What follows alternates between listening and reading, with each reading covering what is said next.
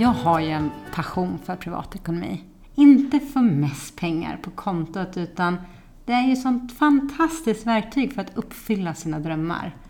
Och ändå är det så klurigt. Du vet, man vet vad man vill, man vet precis vad man längtar efter och ändå så är det de där hindren i vägen. Rädslor, normer, ja, jag vet inte vad. Och jag är så otroligt tacksam för att ha fått in yogan i mitt liv. Tack vare dig, Anna. Och, och ja, men du vet ju alla fantastiska eh, effekter. Alltså, yogan är ju ett verktyg för att jobba med de här rädslorna, hindren, påhittade sanningarna. Absolut, visst är det så. Och det är det som är så fantastiskt som yogalärare, att få förmedla och ta del av när man ser vad som händer med yogisarna. Hej och välkommen till Ikigai-podden.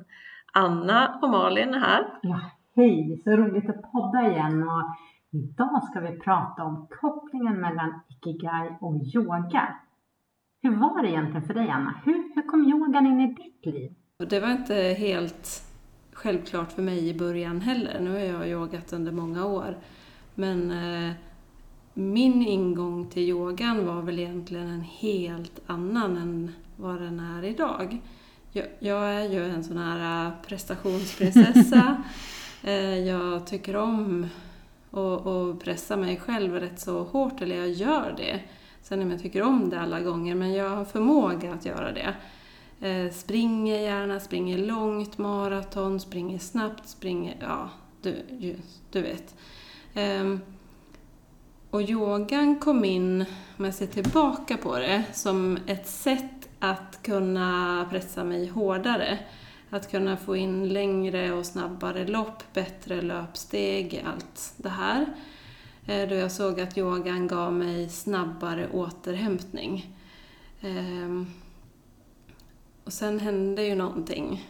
Och ehm, ja, det här med att landa, ta det lugnt, det fick mer plats. Och jag såg också att absolut mitt löpsteg blev bättre. Eh, men det kan också vara mentala kopplingar. Det sitter inte bara i kroppen och i konditionen. Utan det, det är ju en helhet. Mm. Kroppen och själen och sinnet och humöret och alltihopa. Jag har sett det. Jag, jag ser ju den här fantastiska stämningen som skapas när vi håller i workshops. Där du inleder med ett yin-yoga-pass och sen hur bara energin och känslan i rummet har förändrats. Mm. Det är något speciellt med yin-yoga. Vi kanske ska berätta lite, vad är yin-yoga? Mm. Det är en väldigt lugn yogaform på det sättet att eh, man är stilla. Alldeles stilla. Oj, så svårt tycker vi. ja, det kan vara jättesvårt, speciellt i början. Så yin-yoga så tar man liksom en och en position. Man går in i en position och sen är man stilla eh, mellan 3 till 5 minuter, vilket kan kännas som en hel evighet. Eh, och det kan också kännas som att men va? Har det redan gått? Så, så, Vart tog tiden vägen? Jag vill inte gå ur positionen. Så kan vara min känsla. Eh, så tar vi oss ur positionen då efter den här tiden, får in lite flödescirkulation, vilar lite och så går vi in i nästa position. Och varje position har ju en effekt.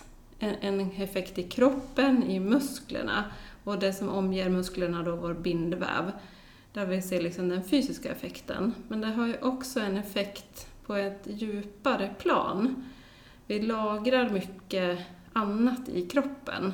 Och har vi låsningar, spänningar, i kroppen som påverkar det sinnet och tvärsom. Trauman eller skador eller liksom saker som vi har varit med om, det lagrar vi i kroppen. Så det är det som vi ser i yogan, på yogapassen, yin-yogapassen när vi har våra workshops. Och det är det jag älskar med att vi just kombinerar att finna och leva sin ikigai med yogan som ett ja, mm. kraftfullt verktyg. Mm. Men på våra workshoppar i alla fall, så även om man inte har yin-yoga tidigare så är inte det ett, ett problem. Utan eh, yin-yoga, alla kan, kan göra det. Man kan behöva anpassa och det ska man göra. Eh, man kanske har någon skada, ja men det, mm, är man bara öppen med det och så kan vi anpassa. Jag får ibland frågor om man är överrörlig, är det här bra eller dåligt? Ja, har, vi, har man koll på det och anpassar och, och stöttar upp och bygger upp så är det jättebra även om man är till exempel överrörlig. Sen kan man ju ibland få såna här kommentarer att nej men jag är så stel, jag kan inte yoga. Och för mig är det helt kontraproduktivt. Det är som att säga så här, nej men jag är så himla smutsig så jag kan inte gå och duscha. Det, det, nej, den köper jag inte. Alla kan yoga.